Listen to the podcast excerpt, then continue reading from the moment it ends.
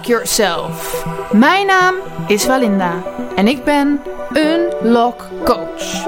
In deze podcast deel ik mijn levenslessen over zingeving, spiritualiteit, mindset, gezondheid, zelfontwikkeling, expressie, kunst en nog heel veel meer. Ook interview ik inspirerende mensen over deze onderwerpen. Dus luister je mee? En ik heb weer een gast in mijn podcast.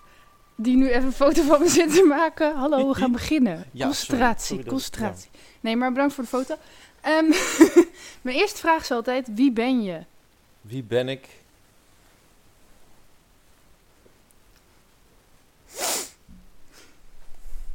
Ik had dit kunnen weten natuurlijk.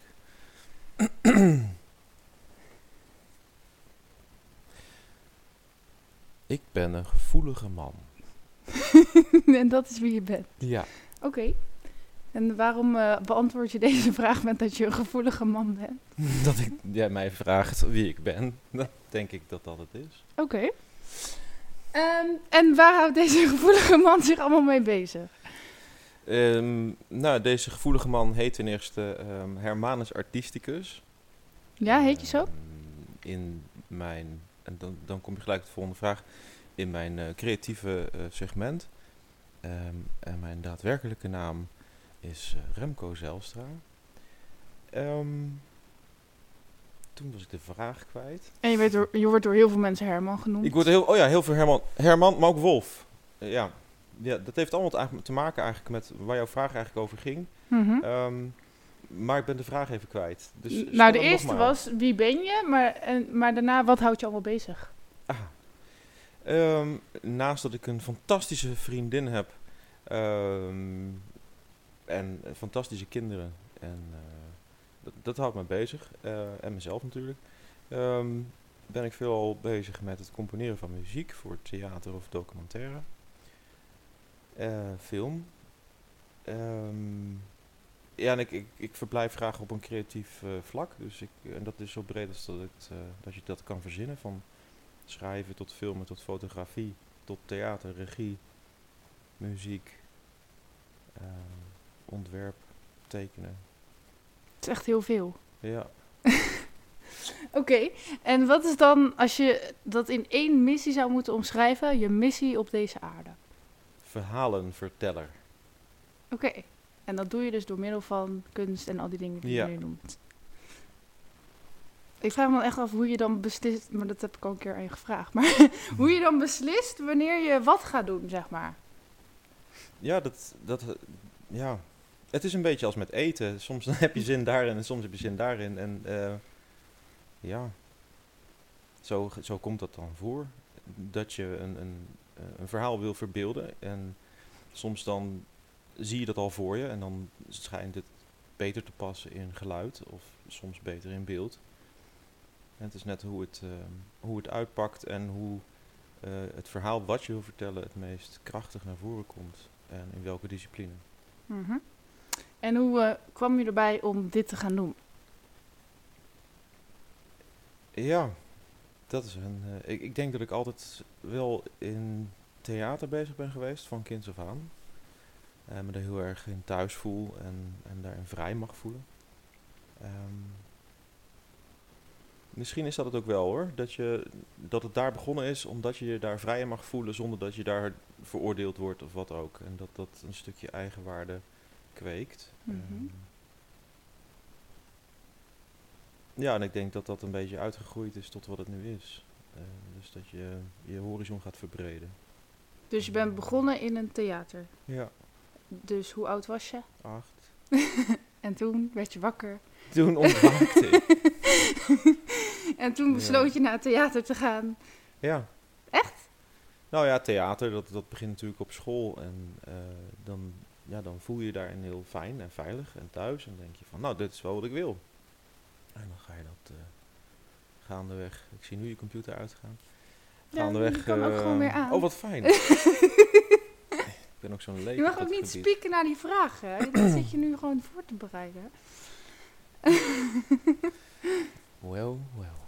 Dus dat is eh, da- daar waar het begonnen is. En ehm, ja, zo kwam het van het een en het ander. Maar het is niet zo dat ik denk van, oh, ik, ik ga nu dat doen. Het, het komt me meestal wel aanwaaien, gek genoeg. Hm. Ehm, ik wilde ooit piano leren spelen. ehm, en twee weken later stond er een piano in mijn kamer. Heb ik niks voor hoeven doen. Eh, behalve naar buiten lopen tegen een paar studenten zeggen, wat gaan jullie met de piano doen? Toen stond hij in mijn kamer, vijf minuten later. Want die waren van plan hem af te voeren en weg te gooien. Nou, zo is eigenlijk alles een beetje ontstaan. Dus het is... Dat klinkt echt alsof het bij jou allemaal heel makkelijk gaat. Nee, Oh. maar ja, het, ehm, ik probeer het niet te plukken. Ehm, Mhm. het, het, het ontstaat. Ja. En ik denk dat ik dat met alles wel een beetje doe. Eh, ja. Dat is wel fijn, denk Mhm. ik. Want dan mag alles zijn wanneer het is of nodig is. En dat is prettig. Maar ehm, misschien denk ik te negatief hoor. maar voor mij voelt heel veel in mijn leven niet alsof het zomaar aankomt waaien, zeg maar. Alsof ik daar heel veel moeite voor moet doen. en bij jou klinkt het wel alsof. Maar is het dan gewoon dat ik negatiever naar de wereld kijk? Nou, dat was eigenlijk niet de vraag. De vraag is: stel nou dat het allemaal niet vanzelf naar je toe kwam, maar dat het allemaal veel meer moeite zou kosten. Ehm, dus en uiteindelijk eh, kom je dan helemaal niet deze dingen te doen, maar word je, weet ik veel, vuilnisman of zo. Had je dan ook zo gelukkig geweest? Ik zeg niet dat je nu gelukkig bent. Ik heb nu echt heel veel vragen tegelijk. Ik kan het nog volgen ook, dat is wel mooi. Ehm, het, het- nou, kijk, het is zo dat de situatie ontstaat eh, om ook daadwerkelijk iets mee te doen of dat te omarmen of, of wat ook. Op het moment dat het daar is, moet je Mhm. er zeker wel wat voor doen. Hè? De- de Mhm. Piano spelen kon ik niet in een dag. Nee. Ehm, eh, sterker nog, ik, ik lees geen, eh, geen enkele noot. Eh, ik heb geen idee wat ik aan het doen ben, maar ik moet en zal dan wel eh, voor mijn gevoel iets kunnen spelen. Ja, dat is wel heel veel werk. Ja. Daar ben ik echt wel elke dag minstens twee, tweeënhalf uur mee bezig. Al pff, tien jaar. Dus ja, tel maar na je winst. Oké. Ehm, dus nee, dat is wel echt een... een ja, dat, dat moet je echt willen en dan moet je er ook echt voor gaan. Maar Ja. ja, goed, dat geldt voor, voor meer dingen. Nee, maar je vertelt het zo van, oh ja, het komt nou, die piano die kan gewoon maar aanwaaien. Ja, dat is zo. maar ook gewoon met al je Eh, andere eh, dingen die en, je en, doet. en met schilderen hetzelfde verhaal. Alleen Mhm. eh, de, de, de basis om, om dingen te kunnen doen en te kunnen maken, daar moet je voor, vind ik tenminste, en dat, dat is ook zeker gebeurd en dat gebeurt nog steeds, daar moet je voor fouten maken, daar moet je voor vallen om die, die leer tot je te krijgen. Ja. En dat is geen makkelijke weg. Oké. Maar, maar de openheid, denk ik, met, als je dingen gaat benaderen en het, en het gewoon laten zijn, en het, dan, ja, dan komt dat gewoon. Hm. Ja. En je zegt dat je elke dag 2,5 uur speelt? ja, zeker wel. Wow. Want je komt zo over alsof je zeg maar van, oh, ik ga even dit doen, ik ga even dat doen. Nou, ja, maar dat is dus... ik- ik- maar dan ik- heb je toch nog de discipline om elke dag Ja. te oefenen. Ja. Dat vind ik wel knap. ja, dat moet. Ja, dat snap ik wel. Maar Ja. Ja, weet je, een, een, ik, ik vergelijk het altijd maar met een acrobaat. Die, die is ook 24-7 eigenlijk bezig met, eh, met van alles. Met, met repeteren, eh, met diëten enzovoort. Om die 10 minuten eh, ja, over de kop te kunnen vliegen in een circus tent. Mhm. Alleen niemand ziet dat stukje. Iedereen denkt altijd, wow, dat doet hij knap. Of zij. Mhm. Ja, maar dat zit er wel achter. Ja. En ja, dat je echt geen noot kan lezen vind ik ook zo bijzonder. Nou, ik ben, ja, ik ben er eigenlijk, dat zeggen meer mensen natuurlijk, ik ben Mhm. er heel erg eh, content mee eigenlijk, omdat het mij eh, een andere muziekstroom brengt. Ja. Ehm, ja, met alle respect voor, voor mensen die dit wel doen. en er zijn ook genoeg mensen die, dit, die ook geen noten lezen en ook prachtige muziek maken trouwens. Maar voor mij is het, ehm, geeft het de mogelijkheid om puur van echt vanuit puur gevoel eh, iets neer te zetten. En op het moment dat ik noten zou gaan leren lezen, dan zou dat blokkeren. Ja. voor mijn gevoel althans. Ja, ik weet nog dat ik als kind heel veel, daar moet ik opeens aan denken, heel veel danste. En toen ging ik op dansles en toen kon ik opeens niet meer zelf dansen of zo. Want dan zat ik opeens vast aan de pasjes, zeg Ja. maar. Beetje hetzelfde. Nou ja, dat. Ja. Oké. Ehm, met wie werk je allemaal samen? Zo, heb je even. Oh, eh, ja, kort gezegd eh, is dat eh, natuurlijk een hele grote groep eh, creatievelingen. Mhm. Ehm,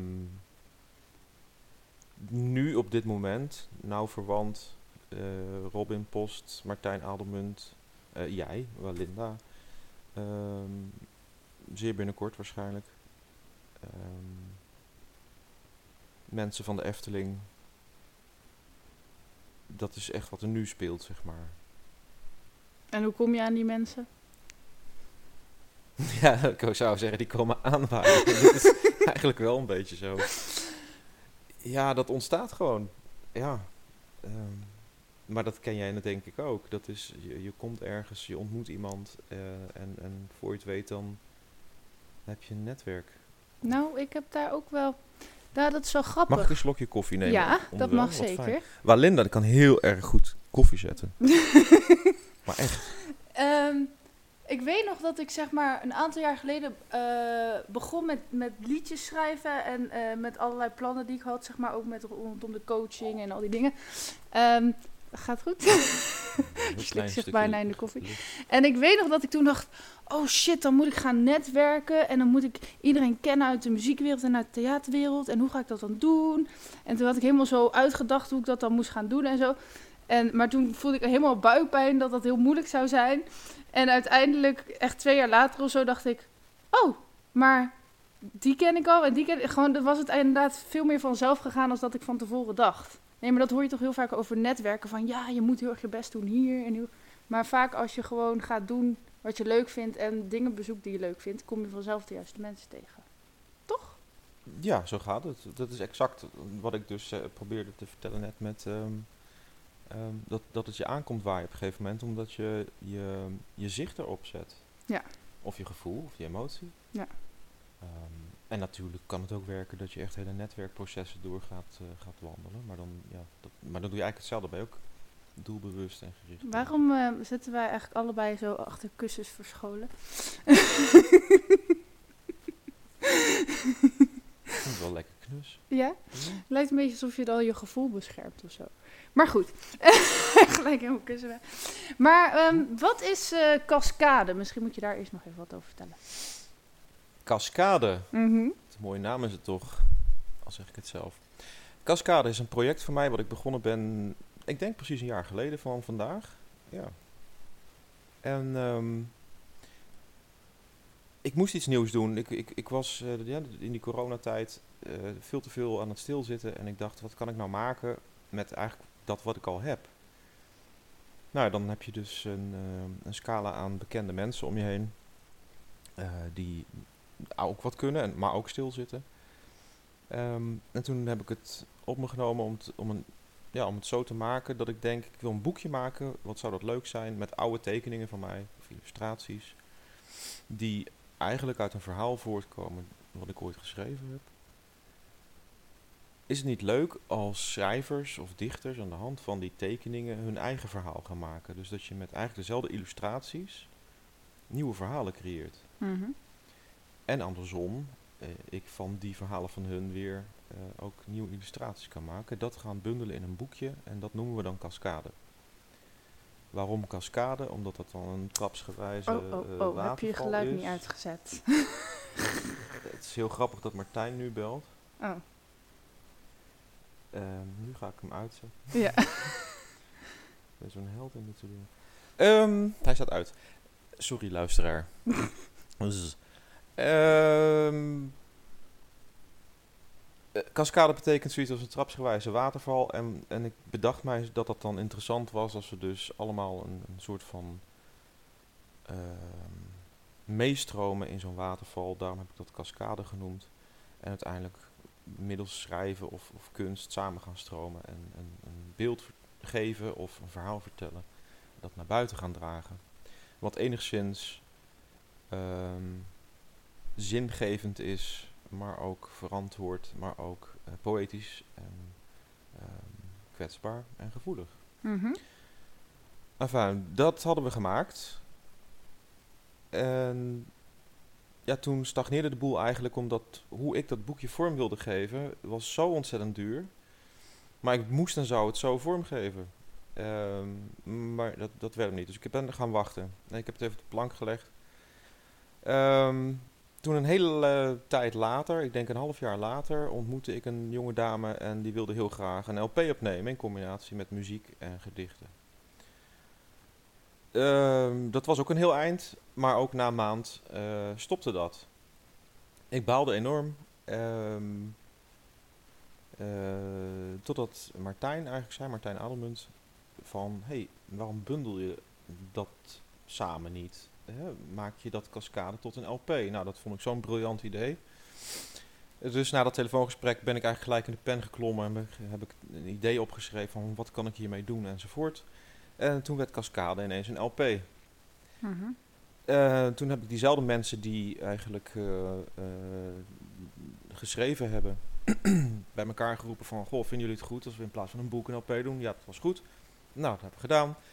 En in december zijn daar de eerste opnames voor geweest. En hebben we Mhm. een, twee weekenden lang hebben we alles wat er eigenlijk op schrift stond, hebben we opgeschreven. En dat illustratieve is eigenlijk gewoon helemaal weggevallen. Maar je had dezelfde mensen die dus eigenlijk wilden gaan tekenen en schilderen. Die heb je die muziek gaan laten schrijven. maken. schrijven. Oh, dus je had mensen die gingen schrijven. en En die, die, dat is gebleven muziek- ja. natuurlijk, want dat, ja, dat, dat, alleen nu konden ze het voordragen in plaats van drukken. Ja. Dus dat werkte heel goed. Oh, dus het werd ook niet gezongen of zo, maar op muziek voorgezegd of zo? Ja. Oh, cool. Dus in plaats van dat ik ging illustreren, kwamen er muziekstukken van mij als illustratie. Nou, was heel leuk. Ja, en van daaruit eh, zei ik van jongens, wat, eh, om dit te promoten of om dit interessant te maken voor subsidie, is het misschien best interessant om eens een optreden te doen. Dat zijn we ook gaan doen. Dat werd zo'n succes dat we dat, dat we gezegd hebben dat we tot aan december 2022, eh, want dat is de datum, hopen we dat wij die LP gaan uitbrengen. En in de tussentijd dat wij gewoon nog twee, drie keer met die hele grote groep, en, en soms komen er mensen bij of gaan er weg, eh, die optredens gaan verzorgen. Dus je krijgt een, een, een poëziemiddag, avond, eh, van, van een goed uur in totaal.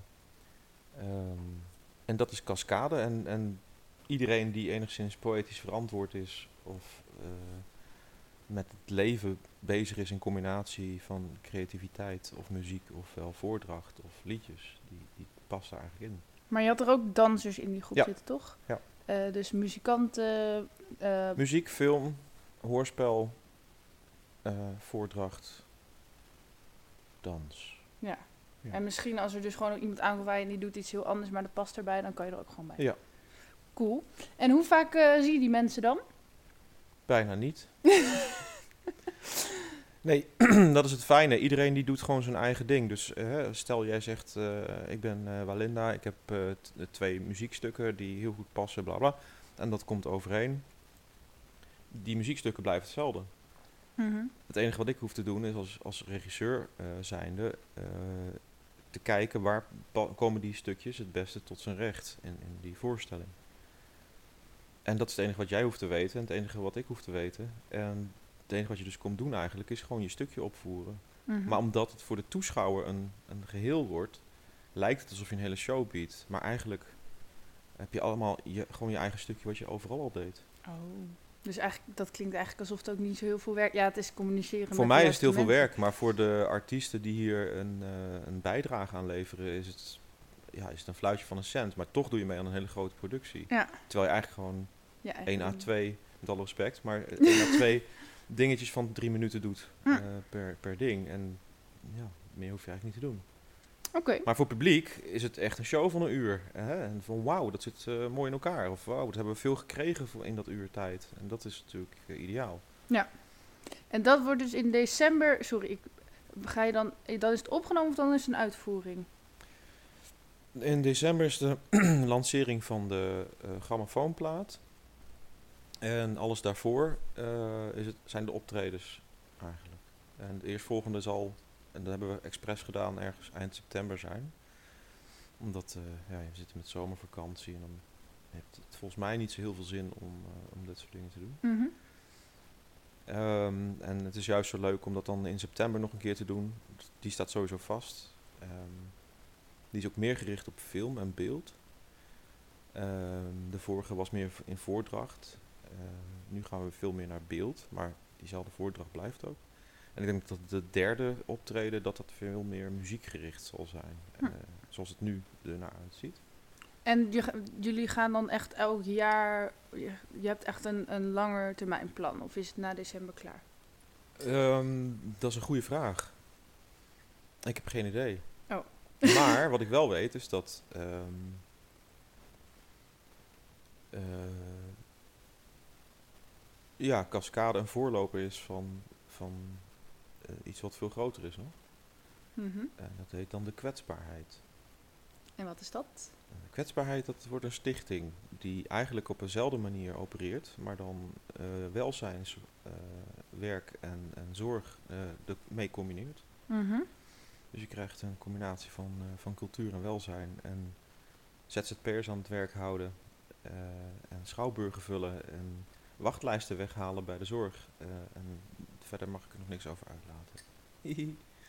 Dus je kan niet zeggen van... eh, dus ik zie in ieder geval voor me die optredens of die dingen die jullie aan het maken zijn qua muziek. En, Mhm. ehm, maar je kan niet zeggen van eh, waar je mensen vandaan haalt, wat die mensen precies gaan doen. Hoe... dat mag je al nog niet zeggen. Nee, Oké, jammer. daar doen we wel een vervolgpodcast over. Oké, dus de vervolgpodcast gaat over Stichting de Kwetsbaarheid. Ja. Maar die stichting bestaat nog niet, hè? Ehm, nou, niet, niet officieel te boek, eh, Nee. maar eh, het bestaat, want het is er. Maar eh, het moet nog even bij een notaris langs. Ja. Ik ga even kijken Het zijn wat voor... donaties mogelijk overigens om het te laten bestaan. Ja. Mag naar Belinda, Belinda toe. Wat? Mij doneren? Ja, voor de kwetsbaarheid. Oké. Nou, dat mag dus. Ehm, ik ga even kijken wat voor vragen ik nog aan je kan stellen. Want nu heb je wel je, volgens mij je belangrijkste basis van waar je mee bezighoudt verteld. Maar het was best wel veel hoor. Ehm, Oké. Wie is je grootste inspiratiebron en waarom? Het zijn eigenlijk twee. Mag dat ook? Dat mag. Eigenlijk drie. Mag ook. Oké, dan begin ik bij de oudste. Eh, zijn volledige naam is volgens mij Evangelos Papathanasiou. Oh, die! Beter bekend in de volksmond als zijnde Vangelis. En dat is een, eh, een, een ja, synthesizer virtuoos of een toetsenist eh, uit Griekenland. Ehm, je kent ongetwijfeld nummers van hem. Eh,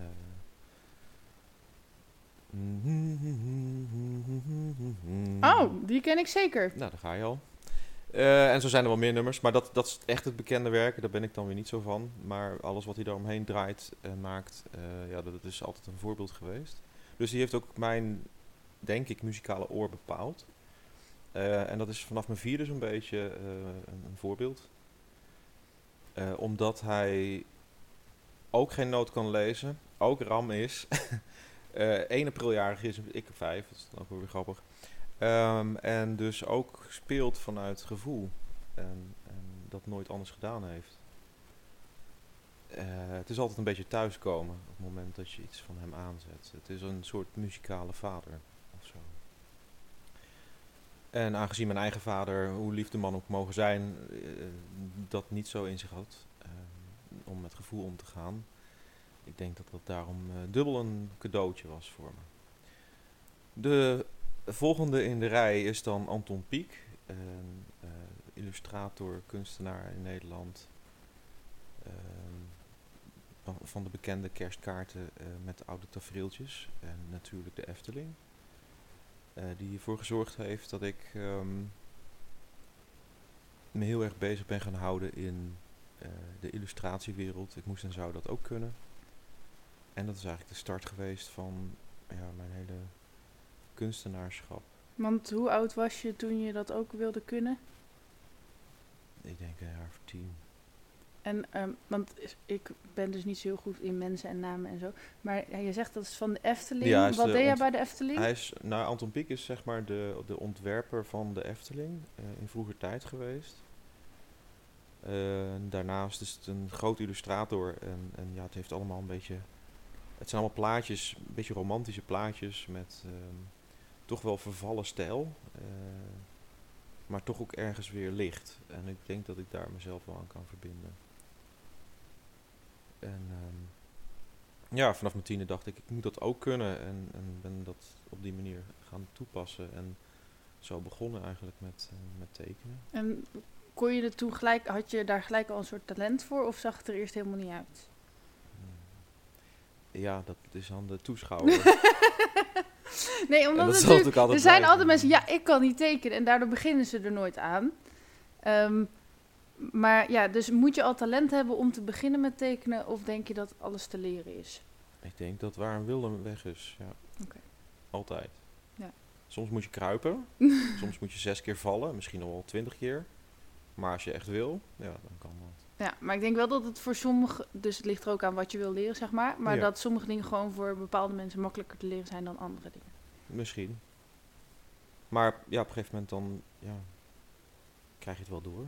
En dan ga je wat verder. En dan kom je inderdaad bij de Efteling terecht. En nou ja, goed, zo gaat dat verhaal. Mhm, maar wa- wa- wacht even, dus je ging tekenen en hoe kom je dan bij de Efteling terecht? Nou ja, op een gegeven moment ga je daarin verder. En dan zeggen mensen van, oh, doe je zo leuk. En dan ga je naar een opleiding die te maken heeft met decorbouw, etaleren en ontwerp. En eh, dat heb ik gedaan. En toen dan liep ik stage bij de Efteling bijvoorbeeld. En ja, dan komt het een en het ander. Ehm, kom je er ook achter dat de Efteling eigenlijk veel te beperkend is. Eh, en ja, dan komt de kunstacademie ineens en dan denk je, oh, ik kan, kan nog veel meer leuke dingen. Daar ben ik vrij vormgeving uiteindelijk gaan doen. Ja, toen was, ging er helemaal een wereld open, want dan weet je op niet meer wat je wel of niet moet doen, omdat je alles heel erg leuk vindt. Dat is, heeft waarschijnlijk ook te maken met dat ik zoveel doe in verschillende disciplines, omdat het gewoon allemaal erg leuk is. Mhm. Ehm, ja, Maar je bent ook wel gewoon heel erg goed in hoor. nee joh. Maar ben je daar dan nooit eh, overspannen van geraakt? Zeker. Oké. Ja joh, ik, ben al, ik heb al drie burn-outs achter de rug. Oh, ik pas vijf. Oh, Maar nee, dat, eh, dat lukt kwijt. heel goed. ik ben zo goed in burn-out. ja. Ja, jij ook? ja. Ja, wat fijn. Gewoon veel oefenen. En depressie lukt ook goed. Ga ik steeds beter mee om. Ja, Ja. Maar vanaf eh, wanneer ervaarde je voor het eerst depressieve gevoelens? toen ik zeven was, Oké. denk ik.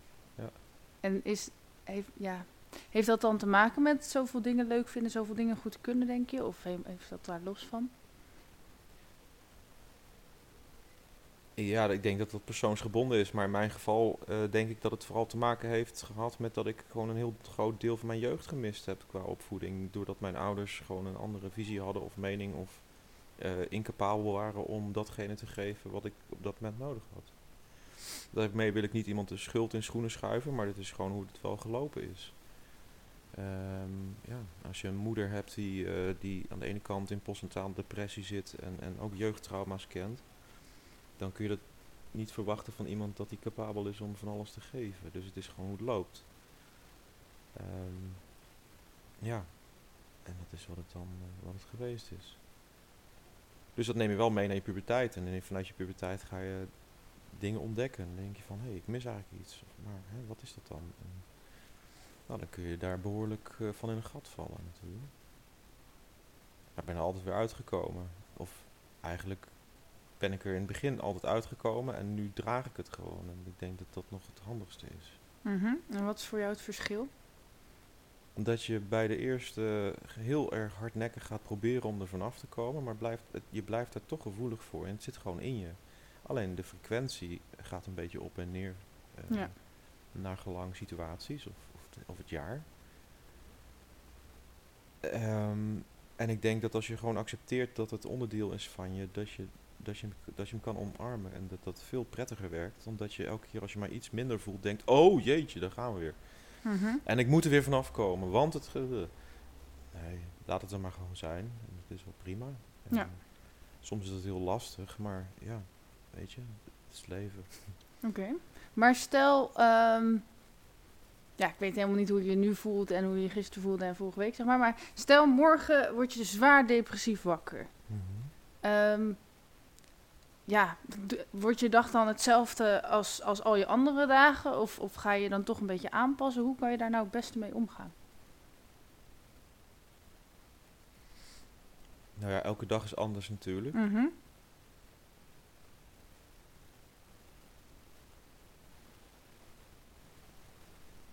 Ja, ik denk dat ik het gewoon laat zijn. En, en ik probeer er niet te veel over na te denken. Het is er gewoon. Ja, maar eh, ga je dan nog steeds gewoon eh, je kunst maken of je naar de Efteling toe? Of... kan. En soms dan denk je gewoon, ik blijf de hele dag in bed liggen. Dat kan toch ook? Ja, dus daar is geen regel voor, dat voel je gewoon een beetje aan in het moment. Ja. En, maar ja, als op een gegeven moment lig je weer elke dag... Ik weet niet of jij dat vroeg, ik lag op een gegeven moment elke dag in bed. Dat zeg kan. maar. En, en dan? Dan lig je elke dag in bed. Oké. En Maar dan ben je niet bang dat je daar dan niet meer uitkomt. Nee, want dan ga je weer aan, op dingen vastprikken en wordt het eigenlijk erger. Ja. Ga maar in bed liggen dan, als je dat behoeftig aan bent. Ja. Ja. En soms dan moet je jezelf een beetje een schop onder je duvel geven, maar ja, dat hoort er ook een beetje bij. Ja. Maar soms duurt dat een dag en soms duurt dat twee dagen, maar dat is oké. Blijkbaar is het nodig, anders zou je het niet doen. Mhm. Kijk, en als, je, als ik heel kritisch naar mezelf ga kijken van, oh verdikke me, lig ik weer in bed, zie je wel, ben ik wel, oh, ja, dan, dan ga je alweer mis. Mhm.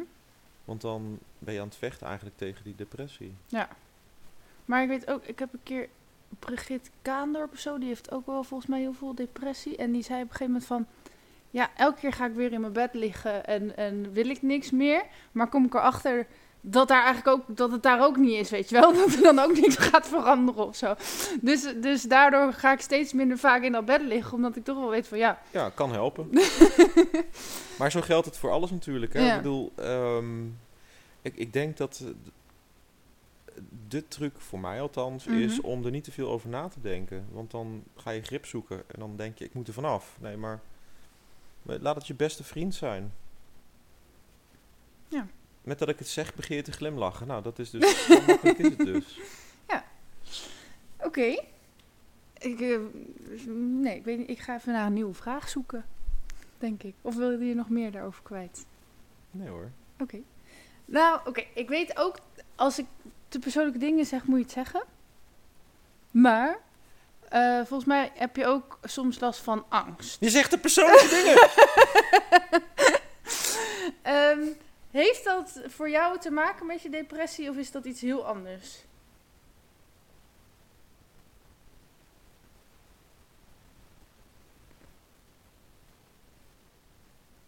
Tja. Ik denk dat het een het ander niet hoeft uit te sluiten, maar het hoeft, maar het, hoeft het ook niet te bepalen. Ik denk dat het wel voorkomt. Maar ik denk dat de angst er standaard een beetje is. Dat je gewoon ehm, vanuit het verleden eh, dat zo hebt gemaakt voor jezelf.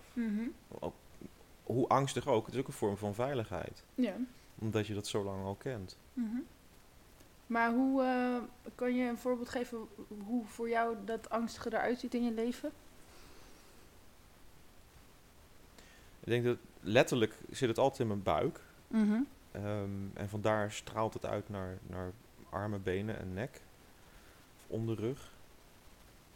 Ehm, het voelt een beetje stressig ook. Ehm, en de, het wisselt, het fluctueert als een gek. De ene dag dan, dan ben je de zekerheid hetzelfde en dan is er niks aan de hand. Denk je er ook helemaal niet over na. En de andere dag dan denk je van, eh, nou, eh, doe maar een doek over me heen, want ik ben een soort bang vogeltje. Ehm, ik denk dat het bij mij veelal voorkomt als ik te, ja, echt te overprikkeld ben. Dus heb je dan gewoon te veel dingen gedaan? Dat kan, of ehm, ik heb te veel kopzorgen, eh, of stress gehad. Ehm, ja, dan, dan kan dat vaak voorkomen. Ja. Ik heb echt, als, ik, als ik rust inbouw, en dat moet ik ook echt doen, dan heb ik er bijna geen last van. Dan zit het wel in je buik, maar dan, ja, dan, dan murmelt dat een beetje of zo. Dan is het niet zo heftig. En als je nou in je heftigste angstvorm zit, ehm, durf je dan bepaalde dingen niet meer? Doe je dan bepaalde dingen niet meer?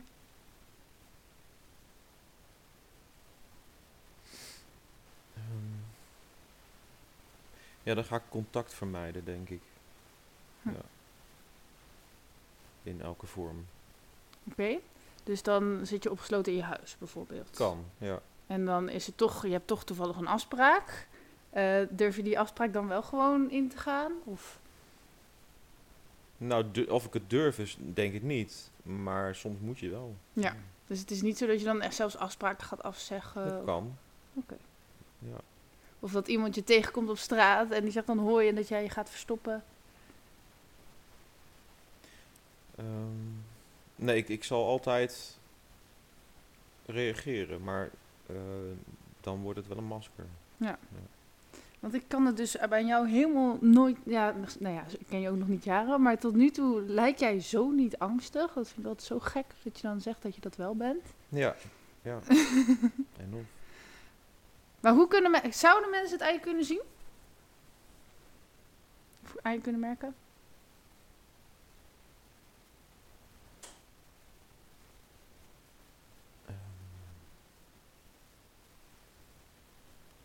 Of ik angstig ben. Ja.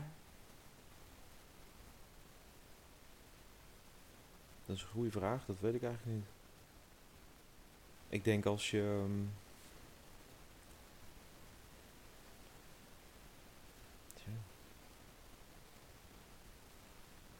Het, het lullige is dat ik, dat ik zeg maar dezelfde dingen toepas als, eh, al- als ik gewoon heel enthousiast en blij ben, dan wel het masker.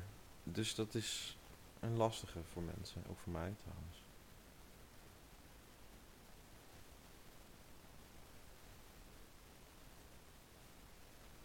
Maar als je, fysiek kun je het wel zien, denk ik. Als je weet waar het zit. Dan raak ik een beetje in de war. Of dan ga ik mensen niet meer aankijken. Of dan ga ik uit de weg. Of...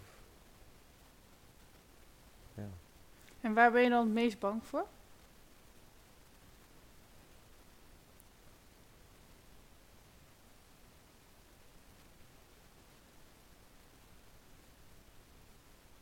Onrecht en afwijzing, denk ik.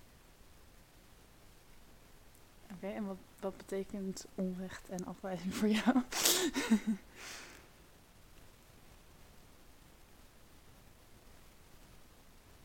Nou, ik denk waar, waar ik heel gevoelig voor ben, en dat heeft het verleden ook wel bepaald, is ehm, dat mensen ehm, een verkeerd beeld van je hebben. En je daarmee niet horen of zien, omdat ze dat door een filter gooien wat helemaal niet bij jou past. En dat is heel lastig. Of omdat ik dat niet laat zien op een bepaalde manier. En ehm, ja, dat heeft me wel veel pijn gedaan. En nog steeds. Ehm, ik denk ook omdat, je, omdat ik wat hooggevoelig ben, dat dat dan ook nog heftiger eh, binnenkomt. Mhm. Een ander zou misschien zeggen van ja, dat is wel lastig of zo, maar dan gaat het weer verder. Bij mij blijft het dan een beetje etteren. eh, dat krijg ik dan maar moeilijk weg. Mhm. Dus dat is een lastig stuk. Dus, ehm, ja, dus ooit in het verleden heeft iemand een bepaald beeld van jou geschetst wat niet klopte. En daar, eh, dat beeld, dat wil je, wat wil je eigenlijk, hoe wil je eigenlijk dat mensen over je denken? Dat mag iedereen zelf weten Oké, natuurlijk. dus iedereen mag het zelf weten, maar maar ik vind het wel la- vind het, het fijnste als mensen in ieder geval doorhebben dat er. ehm, nou ja, dat ik, dat ik voor veel dingen opensta en een ieder respecteer in hoe hij of zij is. En dat ik dat misschien soms ook wel eh terugverlang. Mhm. Ja. Dus je vindt het moeilijk om te begrijpen dat anderen dat anders zien. Ja, misschien wel.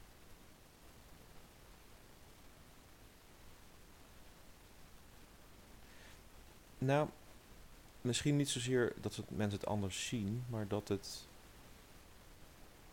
perspectief van het anders zien tot daar gaat en niet breder kan zijn soms. Dat het, ja, je kan een keuze maken, maar Mhm. het kan nog op duizend andere manieren ingevuld worden. Mhm. Ehm, maar wat ik vaak mee- meemaak in dit soort dingen is, nee, het is zo, punt. En daar blijft het dan ook. En dat vind ik dan lastig, denk ik. Want Je kan met een woord of met een, nou goed, ik had het vorige week nog met iemand die een bepaald beeld van me had, ehm, wat niet heel rooskleurig eruit zag. En, en vijf minuten later ziet hij mij piano spelen en, en staat hij met tranen in zijn ogen, bij wijze van spreken, eh, te klappen. Mhm. En vanaf dat moment eh, is hij ineens een, een nou, grote, groot fan, bij wijze van spreken. Ehm, ik ben heel blij dat dat, dat eh, gebeurt. Ik, en, en ook voor mij is dat een heel groot compliment. Dat iemand dus vanuit juist zo'n geblokte houding haast. Nou ja, tot, een, tot een andere mening gekomen is. En het hoeft niet altijd positief te zijn natuurlijk. Maar het is wel fijn als mensen daarvoor openstaan.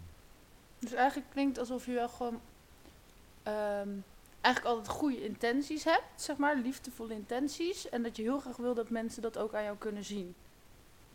En dat ze dat niet anders opvatten dan hoe jij dat bedoelt. Ja. Ja, dat denk ik wel. Oké. Ja, ik ben misschien wel een beetje overzorgzaam. En, eh, en, maar dat geldt ook echt eh, voor iedereen moet dat eigenlijk aan jou kunnen zien, zeg maar. Het zou wel fijn zijn, maar dat gebeurt meestal niet. nou, raar. Ja, en het ding is, weet je, ik, die zorgzaamheid ook, ik, ik, ik doe dat bij, bij iedereen. ja. Het is gewoon wie ik dan ehm, ben, denk ik. En ik hoef er ook niks voor terug. Het is gewoon, dat gaat gewoon zo. Nou ja, je wil dus erkenning ervoor terug, blijkbaar. Mm. Nee, ik hoef niet zozeer erkenning. Ik wil niet dat het stukje. ehm, nee, dat ik, dat ik gezien word als wat ik niet ben. Ja. Want dat, gaat, dat is vaak heel veroordelend en beoordelend. Eh, en dat is lastig, vind ik. Maar dat, heeft, dat, dat is wel het nadeel van, van showbiz en theater en, en op de voorgrond staan natuurlijk. Ja, dan, wordt, dan gebeurt dat. Mhm. Eh, het is laatst nog ehm, live op televisie gezegd door, door echt wereldsterren. Mhm. Die zeggen van, ja, we worden soms dan, hè, het lijkt allemaal zo rooskleurig en wauw om beroemd te zijn enzovoort. Maar je moet echt ergens mee om kunnen gaan. Je wordt uitgekotst, je wordt eh, neergetrapt, neergemaaid, eh, aan alle kanten. Ja. En dat zien mensen vaak over het hoofd. Mhm. En voor hun is dat natuurlijk, eh, als we al naar de supermarkt gaan, maar op kleiner schaal is dat eigenlijk, vindt dat ook plaats, net zo goed. Ja. Eh, omdat je jezelf laat zien en dus is er een mening. Maar ik zit dus echt te denken van hoe beroemd moet jij dan wel niet zijn dat je dat zo ervaart? Nou, daar hoef je niet zo beroemd voor te zijn. Maar, Want dat heb jij ook, weet Ja, maar je. ik zo gauw jij, zo gauw jij ergens, ergens optreedt, Mhm. ehm, zijn er mensen die er een mening over hebben. Ja. En dat kan, een, dat kan een recensent zijn van de Gelderlander bijvoorbeeld. Ja. Eh, maar dat kan ook gewoon eh Pien en Truus zijn die in het publiek zitten. Ehm, en hoe vaker je dat doet, en zeker op, eh, als je dat veelal in dezelfde plaats doet, dan, dan ben je plaatselijk bekend, zeg maar. Mhm. En krijg je dus ook de, de ruimte om ehm overgeroddeld te worden of, Ja. of, of, of iets tegen je Nou, te of ik krijgen, ben gewoon nog niet bekend genoeg, maar in ieder geval, ik heb niet heel veel negatieve ervaringen daarmee of zo. Of ik, of ik sta er gewoon helemaal niet bij stil. Dat zou kunnen. ja. Maar goed, ik ben ook niet zo beroemd. Ik zou het ook niet willen zijn. Maar, maar ik zit meer van, eh, ja, ik probeer gewoon bij jou dan te vinden van, eh, dus bijvoorbeeld je komt een kroeg binnen of zo en dan zouden allemaal mensen van, oh, daar heb je hem of zo. Zoiets? Nee. Hoe moet ik hem er dan voorstellen? Ik, ik, dat heb ik in de Efteling wel. Dat je soms eh, op een plekje komt en dat je dan als gast daar bent. En dan, eh, oh, oh, dan zijn er een heleboel Efteling-fans blijkbaar. Die je dan van een, een of andere stomme poppenshow kennen. En dan zeggen van, eh, ja, dus die en die. En dan willen ze een foto. En dan willen ja, maar dat is leuk. Maar ik heb het over, hoe heb je dat dan negatief? Ehm.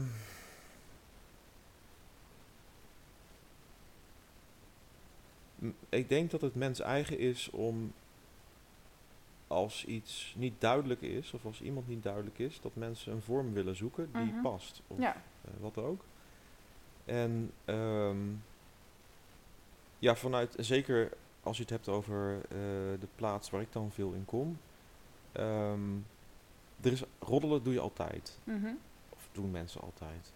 Maar het wordt lastiger als, als, een, als de een je kent vanuit een privéleven, als de ander je kent vanuit zakelijk leven, uit de ander vanuit een theatrale eh, toestand. En dat dat gecombineerd gaat worden en dat een verhaal wordt.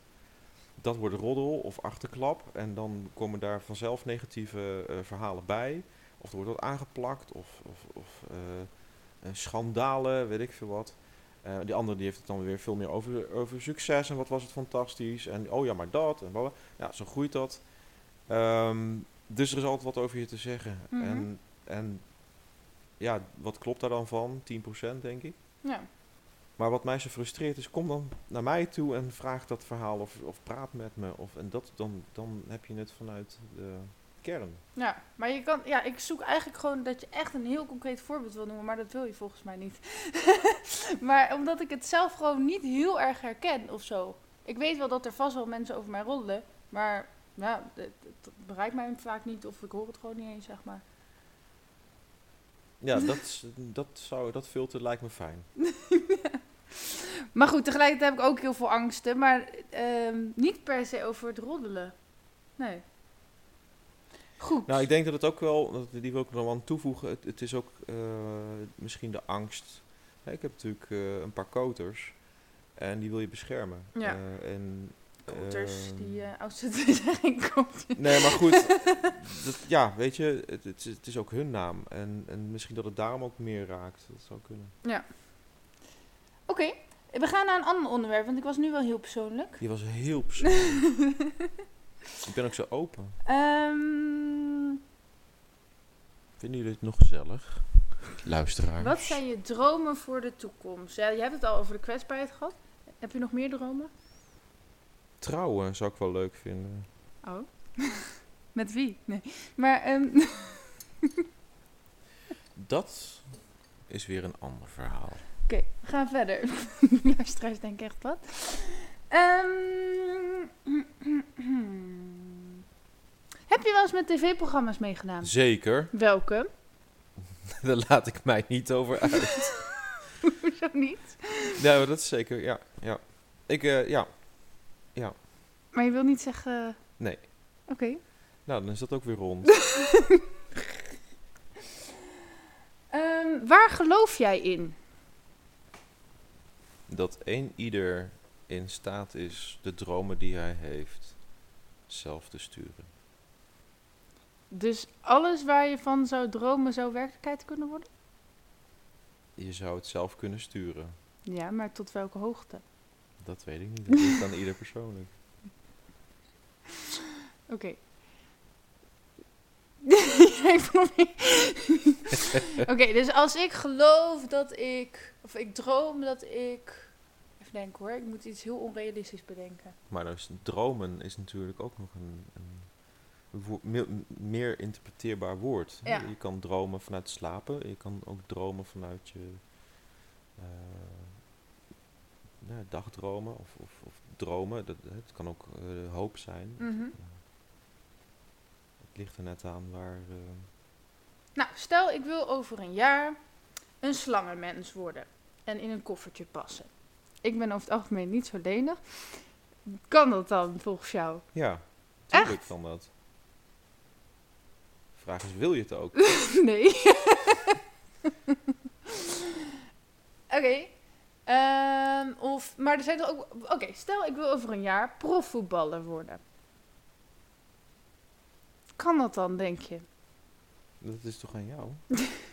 Ja, maar daar ben ik dan tot, tot dan eerst al te oud voor, zeg maar. Dus, dus snap je, dromen zijn toch ook gewoon beperkt? Waarom? Nou, omdat ze een bepaalde leeftijd hebben tot dat je profvoetballer zou kunnen worden. Misschien. Maar jij wil het worden. Dan word je dat toch? Ja, maar er zijn natuurlijk wel. Nee, maar ik hoef geen profvoetballer te worden, maar meer van. Er zijn wel bepaalde mensen die dan kiezen dat jij eh, in dat team mag. Stel je nou eens voor hè, dat het in principe zo is dat de leeftijd tot 32 is om profvoetballer te mo- mogen worden. Bla bla Mhm. bla. Maar stel je nou voor dat jij zo ongelooflijk goed bent Mhm, en je bent 35, mhm, maar je schiet ene goal naar de andere. Gewoon echt alleen maar. mhm. Denk je nou werkelijk dat die mensen je dan niet gaat aannemen omdat jij elke goal gewoon erin trapt, zeg maar? Eh, Je maakt steeds goals.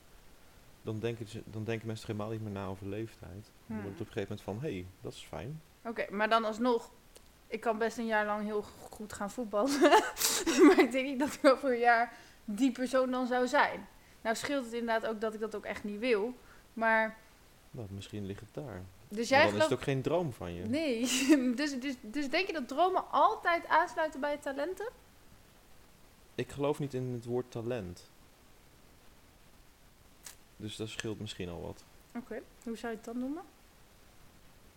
Wil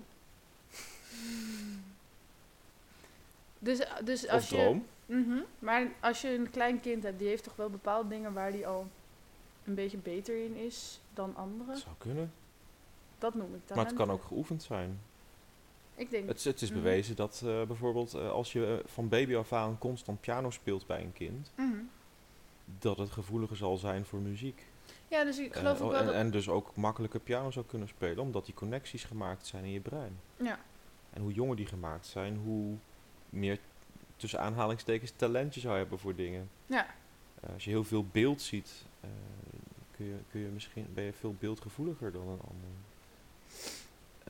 Ja, ik- ik- talent, ik geloof daar niet in. Nee? Nee, het zegt me niks. Ik wel. maar Mensen zeggen dat ook altijd, oh, je hebt zoveel Maar talent. alles wat jij zegt, geloof ik ook, eh, zeg maar van, tuurlijk, je ouders hebben je invloeden gegeven. ehm, maar nou ja, ik denk ook als bijvoorbeeld ehm, je vader een ehm, beroemde pianist is of zo, dat je ook meer kans hebt dat jij dat ook wordt. Omdat je er al veel meer in aanraking mee komt. Ja, of je duwt het kaart weg, dat kan natuurlijk ook. Ja. Maar, Nou ja, Ja. interessant onderwerp. Mhm. Hoe ga je nu om met stress in je leven? Je zei al rust pakken. Hoe doe je dat nog meer? Eh, ik vind hiken of wandelen eh, een hele goede manier om eh, te ontladen. Ja. In de natuur zijn is voor mij erg fijn. En lange wandelingen maken. En dan niet wandelingen van 2, 3 kilometer, maar dan echt aanpoten en knallen. In hoog tempo. Dus als iemand gestrest is en iemand vraagt tips aan jou hoe je moet ontstressen, zeg jij hiken. Absoluut. Hm. Weer of geen weer. Nou, als ik gestrest ben, wil ik echt niet in de regen gaan hiken. Moet je eens doen. Ehm, wat geeft er zin in jouw leven? Liefde. Wat is liefde? Precies. ja, op alle, alle gebieden. Maar echt, wat is liefde? Je zegt wel precies, maar... Nou, zo breed is het. Mhm. Ik denk dat het, ehm, hoe moeilijk het soms ook is, maar als je dingen vanuit liefde en houden van benadert, dat het, eh, net wat ik zeg, hè, dat kan soms heel frustrerend zijn of moeilijk zijn. Maar uiteindelijk wint het. Oké. En als ik nou zeg maar eh, een klein kind ben wat net eh leert praten en die vraagt: Wat is liefde? Wat is het dan? Ehm, je hoeft niet alles met woorden te doen natuurlijk. Op het moment dat ik een kind in mijn arm heb die dat zegt en je zou dan het diep tegen je borst aanhouden en een ei over zijn bol geven bijvoorbeeld, Mhm. Dan zal dat kind dat voelen Ja. en ervaren. En dan zeg ik nou, dit is een vorm daarvan. Ehm, werk jij aan je mindset? En zo ja, hoe? En wat bedoel je met mindset? Nou ja, er zijn best veel mensen die bijvoorbeeld elke dag ehm, gaan zeggen van... Ik ben mooi, ik ben knap, ik ben intelligent, ik ben de beste. Weet ik veel, dat soort dingen voor de spiegel of zo. Of dingen, mensen die dat opschrijven of dat, ja, zoiets. Dus werk je aan dat je positief blijft denken. Te weinig, denk ik. Oké, maar je doet het dus soms wel. Ik denk dat ik het ehm, vermogen heb om te analyseren, en soms iets te veel. Ehm, dus ook zelfreflectie toe kan passen. En als, als ik het heb over mindset, dan, dan denk ik dat zelfreflectie daar ook aan toegevoegd kan worden. En ik denk dat dat voor mij eh, de vorm is. Eh, dus, dus vanuit zelfreflectie kijken waar ben ik mee bezig en wat wil ik en waar sta ik. En op die manier een plaats innemen eh, in waar je op dat moment past. Maar heb je dan een vast moment dat je Nee. bijvoorbeeld s s'avonds de hele dag doorneemt? Of... Nee, Oké. Oké. Nou, ik heb ze wel, eh, maar dat is meestal alleen als ik uit eten ben. Met mijn, ik vouw altijd een lotusbloem eh, Mhm. van het servet. Ehm, en ik heb dat heel lang eigenlijk elke dag gedaan. En bij Uit eten elke, geweest? Nee, een Oh. lotusbloem vouwen. Ja. Eh, en bij elke punt, want het is een, een repetitief eh vouwsysteem. Ehm, je, je, je handelt eigenlijk door vier keer de punten naar binnen te vouwen. En bij elke punt kun je een, een moment van de dag eigenlijk verwerken. Of, of nog een keer herhalen of zien. En dan uiteindelijk verwordt het tot een loodsbloem. En dan is dat wat het is. Dus die heb ik, die heb ik al lange tijd toegepast. Oké. Maar dat is dan meer om rustig te worden eigenlijk. Ja, op die manier kun je, kun je je voor jezelf de dag nog eens doornemen. En Wat heb ik bereikt of waar, moet ik nog iets mee? Ah, grappig. Nooit van gehoord. Mm. Mm, mm. Ben je goed in lui zijn en hoe geef je dat vorm?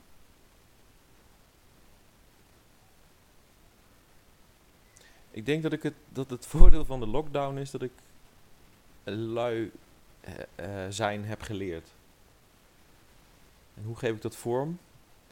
Ehm, ik heb een favoriete stoel. Ik heb er eigenlijk nog maar één. Ik had er altijd twee, maar ik heb gewoon één stoel. Daar ga ik in zitten, dekentje erover, naar buiten kijken. Ofwel iets aanzetten van YouTube. En eh, zitten maar. En dat is. Het kopje thee erbij is ook nog fijn, of koffie. En dan gewoon eh, verder niks. Mhm. Of ergens in de uiterwaarden eh, op je rug gaan liggen in zo'n soort schimmerzon en dan soezelen. Dat vind ik lui zijn. En hoe lang doe je dat? Als dat, als dat er is, dan is dat, heeft dat geen grens. Dan houdt het op wanneer het moet of wanneer dat gebeurt. Kan een uur zijn, tien minuten, twee uur, vier uur. Soms dan val je in slaap. Het lijkt echt alsof jij meer uren in een dag hebt dan ik of zo.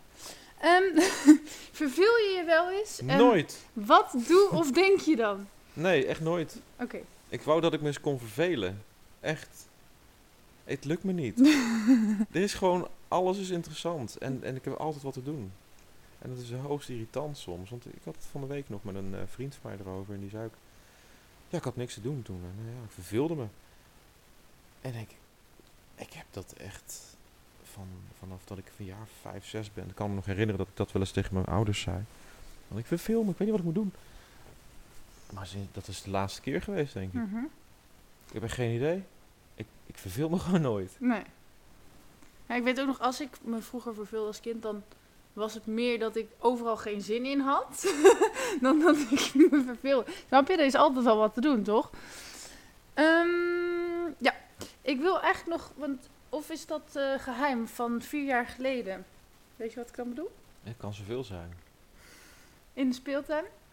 Dat is geen geheim. Oké, dat is denk ik nog wel een goed podcastverhaal namelijk. Oh, we hebben nog een goed podcast. Dames en heren, let u op. Hier nou, vier jaar geleden is er wel iets podcastverhaal. heftigs gebeurd in jouw leven volgens mij. Ja. Ja. Dus, vertel. Oh. ja, dat was wel heftig.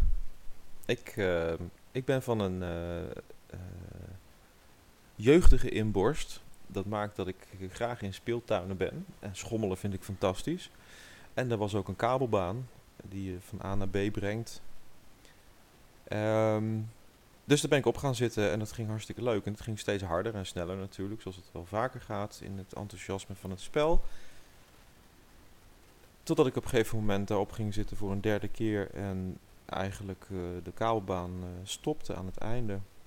Met zo'n grote klap dat, eh, dat ik omhoog zwiepte en gelanceerd werd. En de kabelbaan brak en ik achterover, achterover viel op mijn hoofd van een 2,5 meter hoogte, 3 misschien, ik weet het niet. Met mijn hoofd, ja, eigenlijk de, de val brak. En eh, toen was het klaar. Boom. En wat was er klaar? Eh, Nou, ik.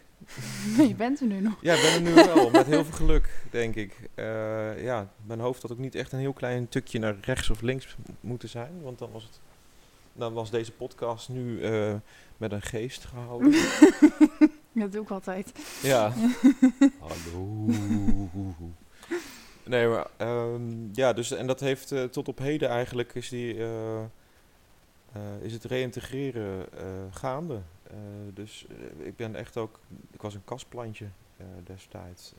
Ik had hersenletsel en ehm, kon eigenlijk korte termijn helemaal niks meer. En, en qua herinneringen ook niet.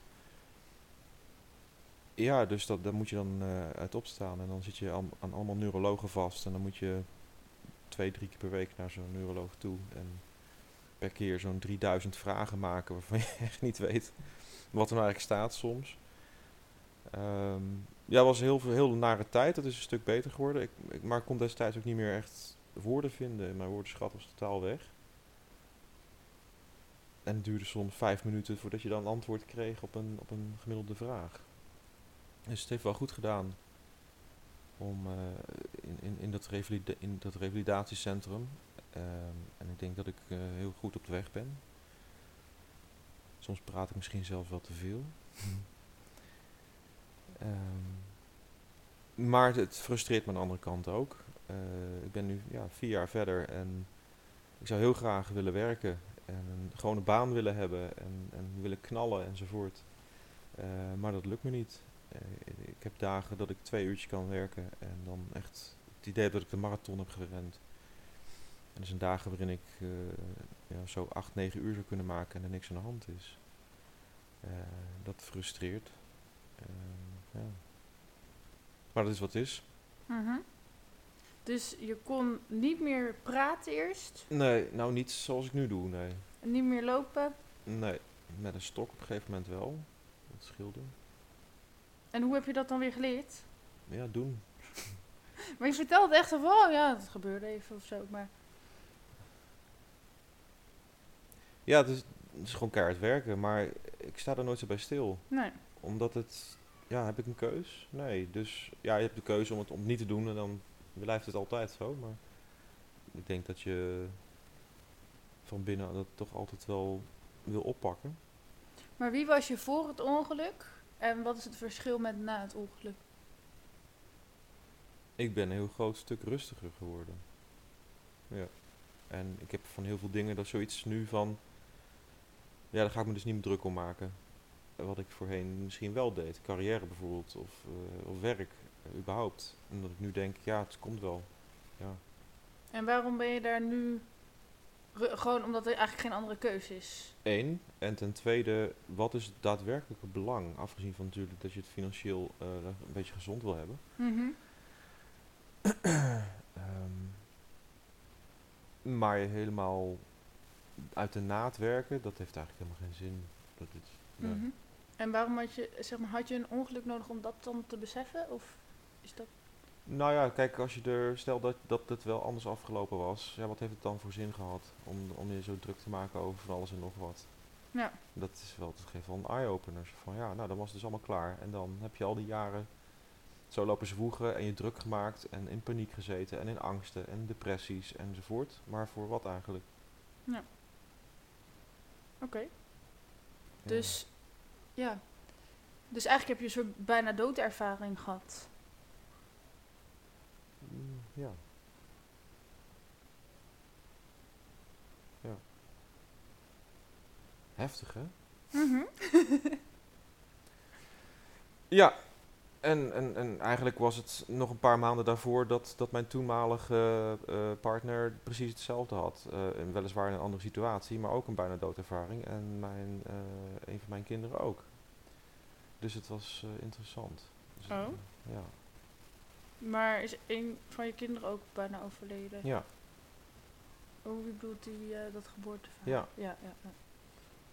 Maar dat, dat heeft natuurlijk niet echt nieuw inzicht gegeven voor die... ge- dus als je een baby bent dan... Nee, nee, maar het is meer voor, voor jezelf, weet je. Hoe, je. Je komt op een gegeven moment achter hoe fragiel het leven eigenlijk is. Ja.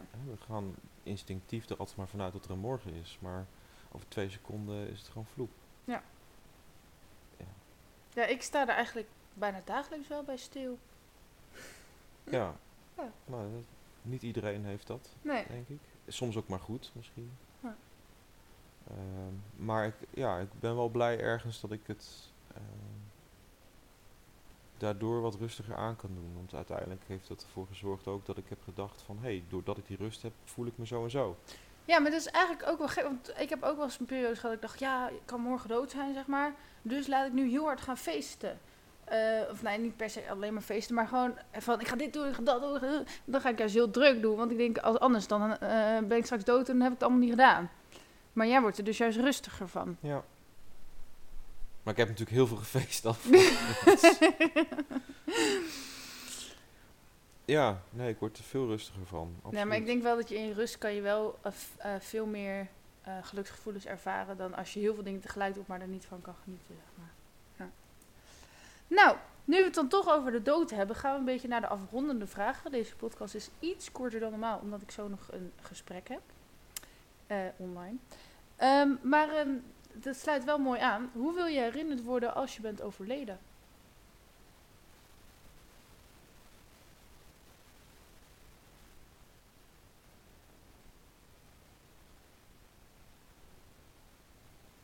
Als een roodborstje. en waarom? Dat is heel grappig, want heel veel mensen zien mij als... Het is echt grappig. Ik heb dus ooit een boek geschreven, of boek, een boekje gemaakt over een roodborst met een, uh, met een angststoornis. En die roodborst is ook altijd een beetje van jeugd af aan bij me gebleven. Um,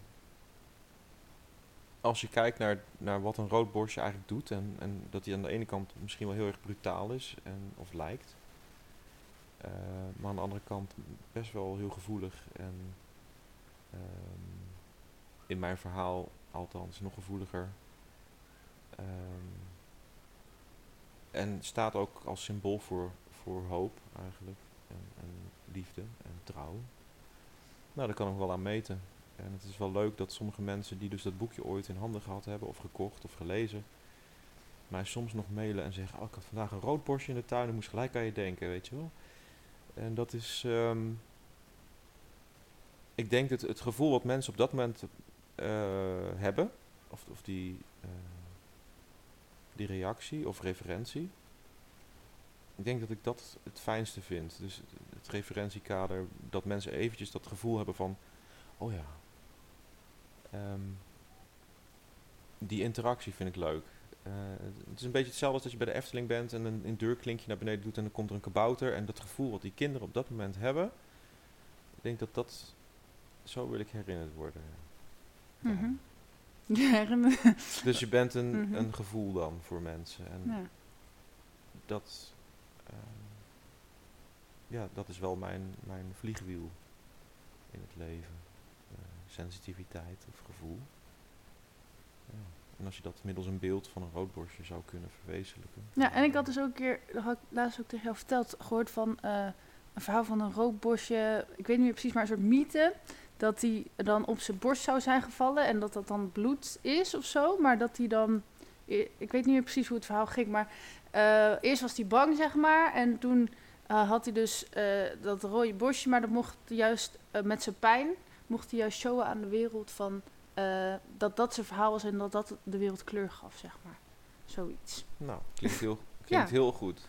Ik zal dat verhaal nog een keer opzoeken. Ja. Maar um, mm, mm, wat wil je als allerlaatste de luisteraars nog meegeven? Het lijkt eens weer scheet ging laten. Wij leven hier in het Sprookjesbos meestal lang en gelukkig. Maar er was dus een dag dat dat anders was. Oké, okay. ik ga het nog niet uitzetten, want um, ik heb als allerlaatste vraag nog: um, waar kunnen mensen je vinden als ze meer van je willen weten? En dan ga ik naar de uitknop en jij gaat dus heel veel reclame maken waar mensen je kunnen vinden. Google zegt Hermanus Artisticus. En, um, daar kun je mij vinden. Uh, ik denk dat uh, Instagram Artisticus Hermanus of Hermanus Artisticus 1. Uh, daar ben ik te vinden. En dan heb ik nog een website, maar Google die vooral op Hermanus Artisticus, dan is het geloof ik de eerste klik. Ehm, ik zou het leuk vinden als je, als je daar langskomt. En ja, dankjewel voor deze podcast, Valinda.